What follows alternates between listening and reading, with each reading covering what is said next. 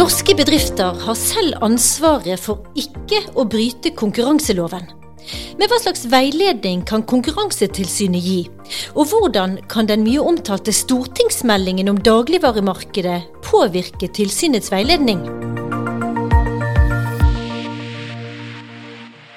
Du hører på Konkurransepodden, en podkast fra Konkurransetilsynet. Jeg heter Siri Løken og er kommunikasjonsrådgiver i tilsynet. I denne episoden skal vi også snakke om fenomenet elimineringsoppkjøp, og hvordan nordiske land jobber med fusjoner og oppkjøp. I Norge så er vi ganske godt stilt. Vi kan pålegge melding selv om den bedriften som kjøpes opp er veldig liten. Vi starter med en liten oppsummering. Du kan ha betalt for mye for varene dine i årevis. Avtalene mellom leverandører og de tre kjedene har hittil vært ukjente. Nå er det gjennomgått av Konkurransetilsynet. Dette er Dagsrevyen 21. Konkurransetilsynet varsler bøter på over en halv milliard til fem av de største aktørene i bokbransjen. Tilsynet mener de over tid har drevet et ulovlig samarbeid. Det er store forskjeller på drivstoffpriser. Konkurransetilsynet har granska drivstoffprisene og funnet at du kan spare opptil tre kroner literen ved å følge med på når prisene er lavest. Her hørte vi nyhetsinnslag NRK og TV 2 har hatt om Konkurransetilsynets saker det siste året. Det handler om bl.a. bøker, dagligvarer og drivstoff, som er noe mange nordmenn handler regelmessig. God konkurranse i disse markedene har stor betydning for oss kunder. For dersom det er få aktører eller noen samarbeider ulovlig, kan det føre til at vi må betale urimelig mye for varer og tjenester. Og for at konkurransen i et marked skal fungere, må bedriftene overholde konkurranseloven. Og få kjenner den loven like godt som Konkurransetilsynets juridiske direktør. Og Karin Stakestad Låstad, generelt hvor godt mener du norske bedrifter kjenner til reglene de må forholde seg til gjennom konkurranseloven? Mange bedrifter kjenner nok eh, reglene i noen grad, eh, men det vi ser er jo at det er en del bedrifter som ikke kjenner konkurranseloven så godt som vi i Konkurransetilsynet gjerne skulle ønske. Ja, hva slags eh, type bedrifter er det snakk om? Altså, tilsynet gjennomførte en spørreundersøkelse i 2017, og tallene derfra viste at tre av ti ledere kjenner Konkurransetilsynet og vår virksomhet meget eller ganske godt. Og I samme undersøkelse svarte jo ca. fire til fem av ti at de kjente ganske godt eller meget godt til konkurranselovens hovedbestemmelser, som jeg liker å kalle det. Um, så det betyr jo at det er en del fortsatt som ikke kjenner til virksomheten vår så godt som vi hadde ønska. Ja, for de av lytterne våre som da ikke har lest konkurranseloven inngående, hva slags hovedformål kan du si at konkurranseloven har? Så Hovedformålet til konkurranseloven er å fremme konkurranse, for derigjennom å bidra til effektiv bruk av samfunnets ressurser. Og, og, det dette betyr, det er at konkurranse er et virkemiddel for å oppnå sunn konkurranse mellom bedriftene, og det er til fordel for oss forbrukere gjennom f.eks. For lavere priser og bedre utvalg. Ja, og så, så, har jo vi i tilsynet de siste årene uh, ilagt gebyrer for ikke helt ubetydelige summer for misbruk av dominerende stilling og, og, ulovlig samarbeid i ulike markeder, det vi kaller paragraf 10 og 11-saker. I hvilken grad kan det tyde på at uh, konkurranseloven ikke da er godt nok kjent blant uh, norske bedrifter? Altså Når Konkurransetilsynet ilegger gebyrer, så betyr jo det at vi mener at det foreligger alvorlige overtredelser av, av bestemmelsene i konkurranseloven. Og i den spørreundersøkelsen som jeg jo nevnte i sted, så svarte f.eks. tre av ti bedriftsledere at man mente at det forekom ulovlig samarbeid nettopp i det markedet som deres bedrift eh, opererte i. Og Vi er derfor opptatt av å spre kunnskap da, om konkurranselovgivningen og synliggjøre vårt arbeid, sånn at flest mulig kan bli oppmerksom på og kjent med konkurranseloven.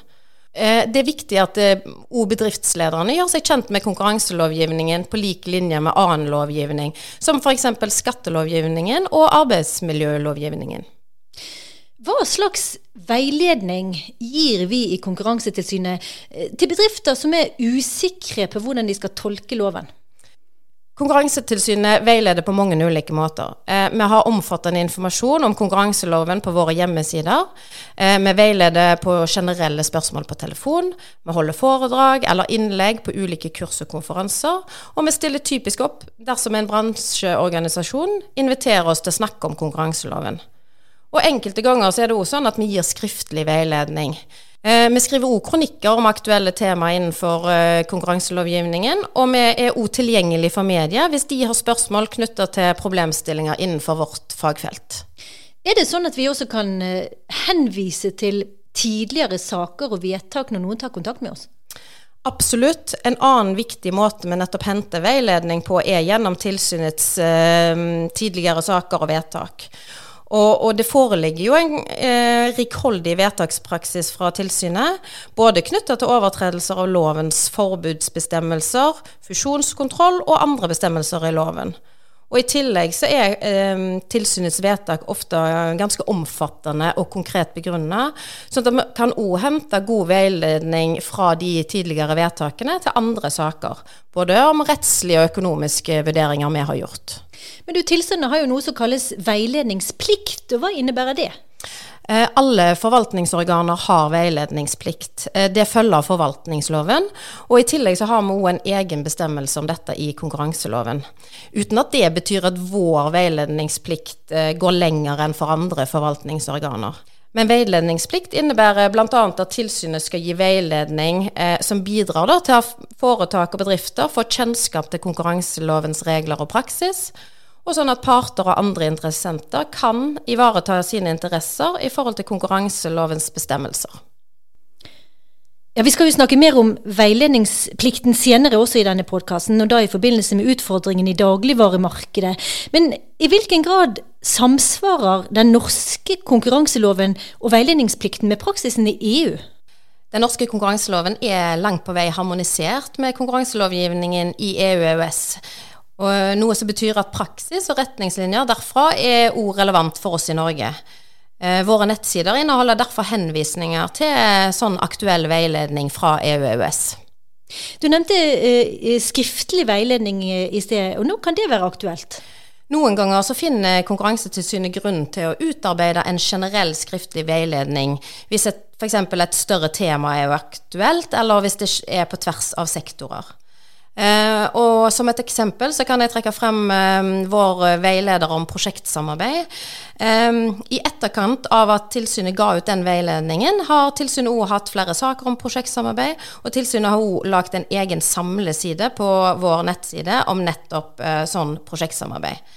Um, der kan du òg finne presentasjoner fra foredrag osv. som tilsynet har holdt om det samme temaet. Så dette er eksempler på slik skriftlig veiledning. Er det mange som tar kontakt med oss i tilsynet og ber om veiledning? Ja, vi får ganske mange henvendelser i løpet av et år. Det er alt fra enkeltpersoner til små og mellomstore bedrifter, til store selskaper og deres advokater, eller uh, vi får henvendelser fra media som kanskje vil ha bakgrunnsinformasjon i forbindelse med en sak de jobber med. Men de ulike aktørene her, hva er det de ber om? En del vil veldig gjerne ha svar på om et konkret forhold er i strid med konkurranseloven eller ikke. Men det kan vi ikke svare på. Vi i Konkurransetilsynet har ikke anledning til å gi en forhåndsklarering av konkrete forhold eller en type atferd. Men det vi kan gjøre, er jo å veilede generelt om regelverket, om aktuelle saker som vi mener kan ha overføringsverdi, og sånne ting. Og andre ganger så får vi jo henvendelser hvor man kan finne informasjon om konkrete saker, regelverk. Og da prøver vi jo å besvare så godt vi kan, enten ved å henvise til egne nettsider eller til f.eks. EU-kommisjonen eller tilsvarende. Ja, hvordan går eh, denne veiledningen for seg? Det er snakk om telefonsamtaler, e-post eller annet? Eh, vi veileder nok oftest per telefon. Um, det er ofte mest effektivt, både for oss og de som ber om veiledning. Men noen ganger bruker vi e-post, eller vi avtaler at vi holder et foredrag eller lignende. Og, og, hvis det er aktuelt, så er det jo først og fremst hvis det er en bransjeorganisasjon eller lignende som tar kontakt. Hva er det som er grunnen til at bedrifter ikke kan komme til oss og be om vurdering i enkeltsaker? Konkurranseloven er en såkalt forbudslov, og det betyr at det er visse typer atferd som er forbudt, og da er det foretakenes eget ansvar å opptre i samsvar med konkurranseloven. Konkurransetilsynet har derfor ikke mulighet til å gjøre unntak eller gi dispensasjoner fra konkurranseloven. Det tilsynet imidlertid kan gjøre, er jo å redegjøre for de aktuelle bestemmelsene, gi informasjon om hvor man kan finne nærmere informasjon om relevante enkeltsaker, retningslinjer osv. Eh, det er i den forbindelse viktig for meg å understreke at en henvendelse til Konkurransetilsynet om veiledning, det fritar ikke foretakene fra de forpliktelsene som de har etter konkurranseloven. Men du, det kan jo være stor forskjell på små eh, og store selskaper med tanke på juridiske ressurser og evne til å tolke konkurranseloven. Er veiledningsplikten lik overfor alle typer selskaper? Konkurransetilsynet mener at omfanget av veiledningen den må i noen grad tilpasses forutsetningene til de som uh, tar kontakt med oss. Uh, vi opplever jo stor variasjon med hensyn til hvilke faglige forutsetninger de som tar kontakt, har. Uh, og, og, hvilke behov for veiledning de har. vi tenker at en privatperson som ikke har noe kjennskap til konkurransereglene, og, mens sammenlignet med en advokat som eh, jobber med konkurranserett til dagen, eh, ikke nødvendigvis vil ha helt det samme behovet for eh, veiledning. Ja, så altså en, en, liten bedrift med kanskje en eller eh, få ansatte kan trenge mer veiledning enn eh, et milliardforetak med god juridisk kompetanse? Større foretak og foretak som har tilgang på bistand fra profesjonelle rådgivere, vil normalt ha gode muligheter til ivareta sine interesser på andre måter enn gjennom veiledning fra Konkurransetilsynet.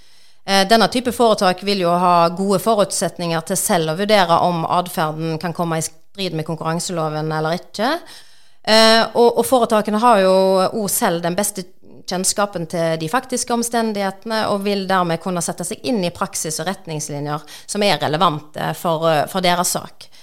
Eh, så tilsynet vil jo normalt prioritere å gi veiledning til mindre foretak, eller gi veiledning gjennom bransjeorganisasjoner eller lignende, sånn at vi potensielt kan nå litt flere som har samme behov for veiledning. Hva vil du si er målet med veiledning vår? Målet med all vår veiledning er jo å gi foretak og andre interessenter god kjennskap til konkurranselovens regler og vår praksis. Og dette for at uh, alle ulike aktører skal få best mulig kunnskap om konkurranseloven, og òg sette de i stand til å ivareta sine interesser, uh, sånn at de kan overholde konkurranselovens bestemmelser på best mulig måte. Takk til deg så langt, Karin. Vi skal snakke mer om årsaken til at i dag er bedriftene selv som er ansvarlig for å overholde konkurransereglene. Dagens konkurranselov kom i 2004. Frem til det kunne bedrifter søke om å få godkjent avtaler med konkurrenter, men praksisen ble endret både i Norge og EU i 2004. Hvorfor det? Lars Søgaard, konkurransedirektør. Hvorfor er det sånn at bedrifter ikke kan søke Konkurransetilsynet om å få godkjent avtaler om samarbeid med konkurrenter? Kort fortalt er reglene, slik Karina forklart, at noen typer atferd rett og slett er forbudt. Det betyr at det er opp til bedriftene selv å ta ansvar for at de på riktig side av streken. Men hadde det ikke vært mye enklere for bedriftene med en klarering på et tidlig tidspunkt? Tilsynelatende ja, men da glemmer vi at dette systemet har vært prøvd ut før, og det har fungert dårlig. Dersom bedrifter får mulighet til å be om forhåndsklarering, så sier det seg selv at det blir en nærmest umulig oppgave å håndtere og behandle alle disse søknadene. Det var nettopp det EU-kommisjonen fikk erfare for omtrent 20 år tilbake i tid. De opplevde at de ikke rakk å ta stilling til disse søknadene, og det betyr at bedriftene fikk ikke svar på om de var klarert. Ja, Vi skal se oss eh, litt tilbake, eh, nærmere bestemt 2004. Da fikk både EU og Norge ny konkurranselovgivning. Og Det skjedde i forbindelse med at ti nye medlemsland ble innlemmet i unionen. Og Vi skal høre hvordan den begivenheten ble dekket av NRK Dagsrevyen. EU har fått 75 millioner nye innbyggere i dag. Storstilt feiring da ti nye land gikk inn i unionen. Ja, dette er eh, naturlig nok blitt feira stort i de ti landene. Your Excellencies, ladies and gentlemen. Det største og mest spektakulære fyrverkeriet i EUs historie lyste opp kveldshimmelen over Dublin.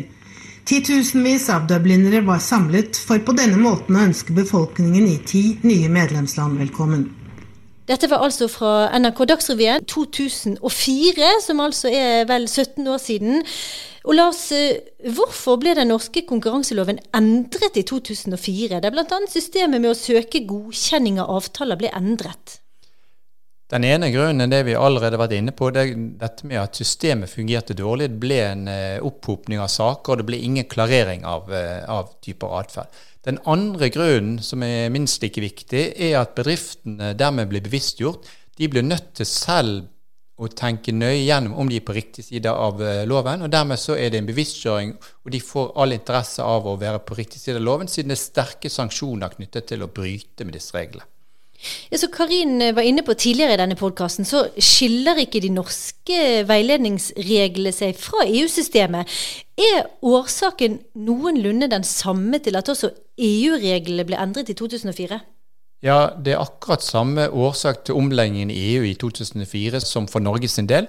Faktisk så skjedde det på samme dato. 1. mai 2004 ble endret i EU, og det ble endret i Norge. Så vi har da helt bevisst valgt å harmonisere vårt lovverk med, med Europa. Hvis vi går enda litt flere tiår tilbake i tid, så er det mye som har endret seg med tanke på hvordan konkurransemyndighetene ser på samarbeid mellom bedrifter og kartellvirksomhet f.eks. De første konkurransereglene kom i 1920-årene, den såkalte trust-loven. Hvordan er den ulik dagens konkurranseregler? Det var nærmest en motsatt tilnærming. Den daværende konkurransedirektør, eller prisdirektør på 30-tallet, eh, Tagor, han var en uh, talsmann for å såkalt tvangskartellisere en, en, noen industrier, bl.a. hermetikkindustrien. Så han ønsket at bedriften skulle tvinges til å samarbeide for å sette høye priser.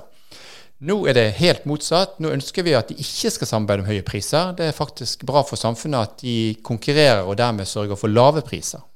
Det at vi har en forbudslov i Norge i dag, vet vi om det faktisk virker? Fører det til at bedriftene etterlever konkurransereglene? Konkurransetilsynet har både i 2008 og i 2017 gjennomført spørreundersøkelser blant mange norske bedrifter. Hensikten var å finne ut hvordan bedriftene forholder seg til konkurranseregler. Det vi fant ut, var at mange bedrifter velger å endre avtaler, eller til og med droppe avtaler, for å unngå at de bryter med konkurransereglene. Dette illustrerer at konkurransereglene har en eh, forebyggende effekt, og at eh, bedriftene da tilpasser seg på en god måte. Kan du gi noen eksempler på noen av de første sakene vi etterforsket som følge av de nye konkurransereglene i 2004?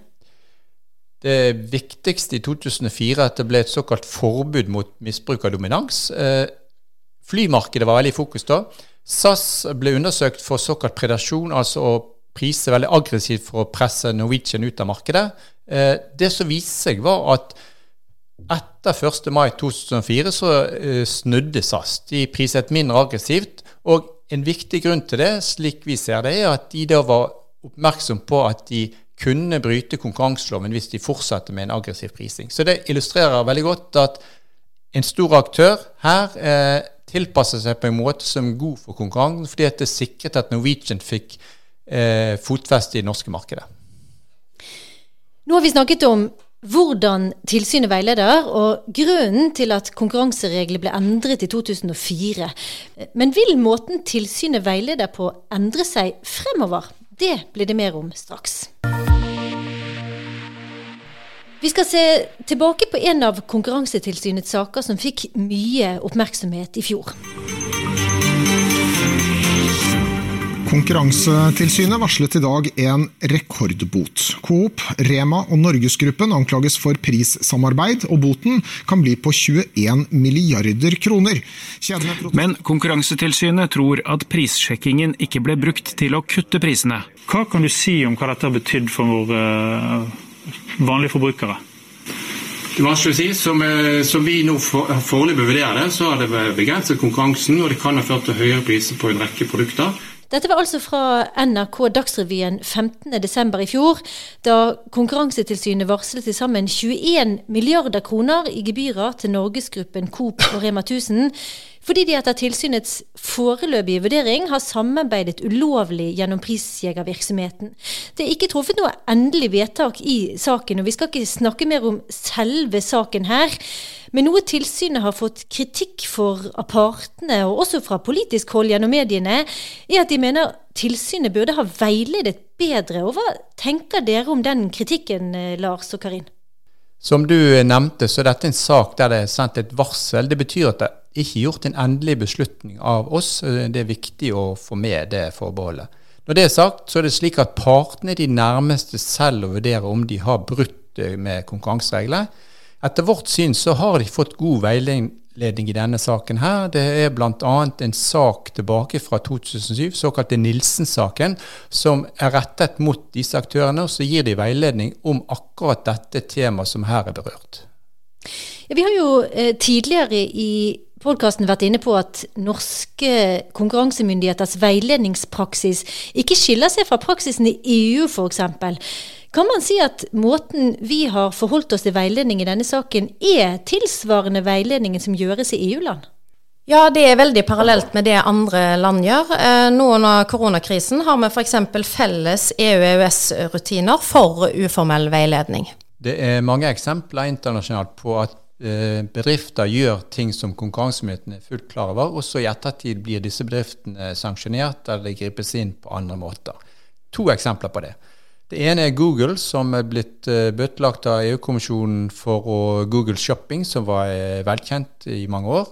Det andre er Facebook, som nå trues med oppsplitting i USA etter oppkjøp av Instagram og WhatsApp hvilket òg har vært kjent i mange år i USA. Det ville vært svært krevende for konkurransemyndighetene dersom det å be om veiledning, eller det å gjøre konkurransemyndighetene kjent med en type atferd, skulle hindre konkurransemyndighetene i ettertid å håndheve denne atferden. Da ville vi jo i realiteten nærme oss et slags system for forhåndsklarering. Noe som eh, vi har hørt en hadde tidligere, men som de fleste var enige om at ikke fungerte, og som lovgiver derfor har valgt å gå bort ifra. Og så vet vi jo at det nylig er vedtatt en stortingsmelding om konkurransen i dagligvaremarkedet. Og der er bl.a. veiledning om dagligvarekjedenes innkjøpspriser fra leverandører ett av punktene. Og dette er jo en omdiskutert sak de siste årene. Hva innebærer det Stortinget har vedtatt eh, for vårt arbeid med veiledning fremover? Slik vi ser det, så har vi veiledet i tråd med det som vi har forklart tidligere i denne podkasten. Det betyr at vi har oppfylt vår veiledningsplikt. Eh, men vi forstår jo det sånn at det nå er et ønske om enda mer eh, veiledning innenfor denne sektoren. Eh, og det er vi nå i ferd med å forsøke å legge til rette for. Eh, det vil bl.a. bli sydlig i form av en egen side på vår eh, hjemmeside, der vi samla forsøker å eh, informere nærmere om vår aktivitet innenfor dagligvaresektoren, og gir noe av den type veiledning som vi har snakket om i denne podkasten tidligere. Vi i Konkurransetilsynet er jo underlagt Næringsdepartementet, og, og, forholder oss jo alltid til de med tanke på eventuelle endringer i vår praksis. Og Hva er beskjeden fra departementet i forbindelse med stortingsmeldingen? Vi har nylig fått et eh, såkalt supplerende tildelingsbrev fra vårt departement. Der ber de oss følge opp Stortingets vedtak på en egnet måte, og vi skal bruke alle de virkemidler vi har. De sier òg at uh, konkurransereglene ligger fast. og I tillegg sier de at det er sentralt å se om forbrukerne kommer bedre ut når vi skal vurdere de ulike tiltakene. Dette er styrende for vårt arbeid fremover eh, når vi skal følge opp stortingsmeldingen. Og I den forbindelse så planlegger vi nå å utarbeide en veileder som generelt omhandler såkalt prisdiskriminering fra leverandør til en profesjonell kunde, f.eks. en kjede. Eh, målgruppen for en sånn veileder vil være bedrifter. Eh, og veilederen vil adressere spørsmålet om når forskjeller i innkjøpspriser kan være et brudd på konkurranseloven eller ikke. Det heter seg i Stortingets eh, vedtak at ulikhet i innkjøpsbetingelsene til dagligvarekjedene skal være saklig begrunnet. Men hva er egentlig en saklig begrunnelse, og hvordan kan vi i tilsynet følge opp dette? Vi merker også at saklig begrunnelse er i Stortingets vedtak koblet opp mot om det er skadelig for konkurransen. Vi tar dette med oss inn i vår vurdering, der vi òg tar hensyn til om hva som er gjeldende rettspraksis. Vil stortingsmeldingen endre på hvor dypt tilsynet vil gå inn i enkeltsaker fremover i vår veiledning? Eh, vi vil fortsatt veilede i tråd med det som følger av eh, dagens lov. Eh, og det gjelder jo ikke minst når departementet òg nå har slått fast at konkurranseloven er ikke endra. Oppsummert eh, så er altså hovedlinjen til Konkurransetilsynet osv. at det er bedriftene selv som altså fortsatt må sette seg godt inn i konkurransereglene eh, og vite at de selv har ansvaret for å overholde konkurranseloven. Nettopp. Det er i samfunnets interesse at konkurransereglene etterleves. Som vi sier i mange andre sammenhenger, så er det forebyggende det viktigste vi kan gjøre. Og Vi i Konkurransetilsynet vi bidrar jo gjerne til dette gjennom den type veiledning som jeg har presentert i denne podkasten. Men det fritar altså ikke at bedriftene må gjøre sin del av jobben. Takk skal dere ha, Lars Sørgaard og Karin Stakkestad Låstad. Og til slutt i denne podkasten skal vi snakke om fenomenet elimineringsoppkjøp i Konkurransenytt fra verden. Konkurransemyndighetene i de ulike nordiske landene har tett kontakt. Og denne uken arrangerer det norske konkurransetilsynet et webinar med de andre nordiske landene, hvor temaet er fusjonskontroll. Og Der skal du delta, økonom her i Konkurransetilsynet, Magnus Friis Reitan. Og hva er det dere skal diskutere? Vi skal snakke om fusjonskontroll, sånn som uh, du sier. Altså når to selskaper som tidligere har konkurrert med hverandre, uh, slår seg sammen. Og vi skal vurdere om konkurransen forsvinner i for stor grad. Uh, uh, og temaet mer spesifikt, da, det er når store selskaper kjøper opp uh, mindre konkurrenter, og da særlig når de kjøper opp sånne små oppstartsbedrifter. det temaet har fått veldig mye fokus i det siste, og det, det er nyttig å utveksle erfaringer, for at den typen oppkjøp har litt særlige spørsmål som, som må stilles til de oppkjøpene. Ja, såkalte killer acquisitions, eller elimineringsoppkjøp, som vi sier her i Norge. Det er jo noe som du sier er viet mye oppmerksomhet eh, de siste årene. Men hva er egentlig det? Altså, det er uh, særlig i uh, digitale plattformsmarkeder eller i, uh, innenfor legemidler så har det vært undersøkt hvor du har veldig store bedrifter som kjøper opp veldig små bedrifter, men hvor de små bedriftene er utfordrere eh, som kan ødelegge for markedsmakten til de store bedriftene. Da, eh, da eh, kan rett og slett de store bedriftene kjøpe opp de små bedriftene bare for å legge de ned. Bare legge ned det produktet som eh, den eh, lille utfordreren hadde i markedet. Så de kjøper altså opp eh, oppstartsbedrifter rett og slett for å kvitte seg med potensielle konkurrenter i fremtiden? Det er helt riktig. Uh, og I en artikkel fra 2018 så var det noen som undersøkte dette innenfor legemidler, og da fant de ut at 6% av de oppkjøpene de så på, det var rene sånne killer acquisitions. Og Hva man skal gjøre med dette, det eh, debatteres mye internasjonalt. Men i hvilken grad er de nordiske landene like opptatt eh, av dette med elimineringsoppkjøp? Altså, ofte er det jo snakk om store digitale plattformer og sånn som, som driver med dette her. Og Da er det gjerne EU-kommisjonen eller USA som tar føringen i de sakene. Men det er òg relevant i uh, nasjonale jurisdiksjoner. Og de nordiske landene er opptatt av dette her. Og det er mye av de samme problemene som dukker opp på tvers av landene når man får sånne oppkjøp. det dreier seg gjerne om at f.eks. oppkjøpene er under tersklene for når selskapene må melde at de kjøper opp. Eh, og når eh, slett konkurransemyndighetene har eh, kompetanse, myndighet til å gripe inn mot oppkjøpet. Men du, Kan du nevne et eksempel på et typisk elimineringsoppkjøp som, som, er kjent de siste årene?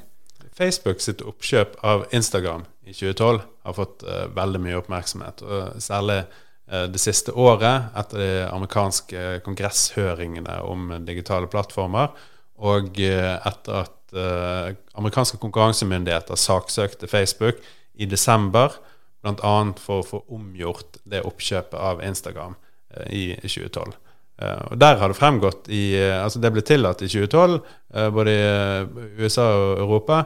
men i ettertid så har det fremgått at Facebook internt For det første så hadde de skrevet internt at det er bedre å kjøpe opp enn å konkurrere helt generelt eh, når det gjaldt sånne små oppstartsbedrifter. Eh, og eh, Mark Zuckerberg sjøl, sjefen i Facebook, Eh, han skrev at en av grunnene for å kjøpe opp Instagram var rett og slett for å nøytralisere en eh, konkurrent. Eh, men det er jo ikke et eh, elimineringsoppkjøp, strengt tatt. Eh, for Facebook la ikke ned Instagram, men det er et eksempel på eh, sånne store plattformer som kjøper mindre opp utfordrere, som man er bekymret for innenfor fusjonskontrollen i dag. Ja, Det kommer stadig flere detaljer om Facebook, eh, Instagram, og siste ord er definitivt ikke sagt i den saken. Men nordiske konkurransemyndigheter skal altså utveksle synspunkter og erfaringer om fusjonskontroll og, og bl.a. elimineringsoppkjøp i et webinar denne uken. Hva ser du for deg helt konkret kan komme ut av dette møtet?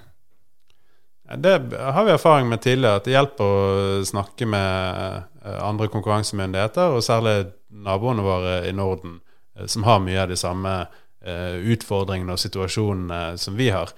Så da er det, det er greit å vite hva de har holdt på med innenfor dette området. Og da vet vi også til senere saker at vi kan ta kontakt og høste av deres erfaringer. Jeg har de andre nordiske landene også noenlunde samme filosofi og, og politikk rundt dette med fusjoner og oppkjøp som det vi har her i Norge? Ja, jeg tror man tenker likt på hvordan uh, sånne fusjoner skal uh, vurderes. Men uh, det er en, ganske ulike regler for når oppkjøp må meldes til konkurransemyndighetene, og når konkurransemyndighetene kan gripe inn. Og i Norge så er vi ganske godt stilt. vi kan pålegge melding selv om den bedriften som kjøpes opp, er veldig liten. Den er under meldepliktstersklene dersom er Eh, dersom det er rimelig grunn til å eh, tro at eh, konkurransen kan påvirkes, som det heter. Og Sånn er det ikke i andre nordiske land. Vi har også opplysningsplikt til spesielle selskaper i markeder som vi mener at det er særlig viktig å følge med på. Da, hvor vi, de store selskapene må, må opplyse når de kjøper mindre bedrifter. Denne uken skal du altså dele eh, det norske konkurransetilsynets erfaringer med de andre nordiske landene. Takk skal du ha, økonom Magnus Friis Reitan. Det var det vi hadde i denne episoden av Konkurransepodden. Du finner flere nyheter fra Konkurransetilsynet på våre nettsider. Og Der kan du også melde deg på vårt nyhetsbrev. Følg oss gjerne også på sosiale medier, Facebook, LinkedIn og Twitter.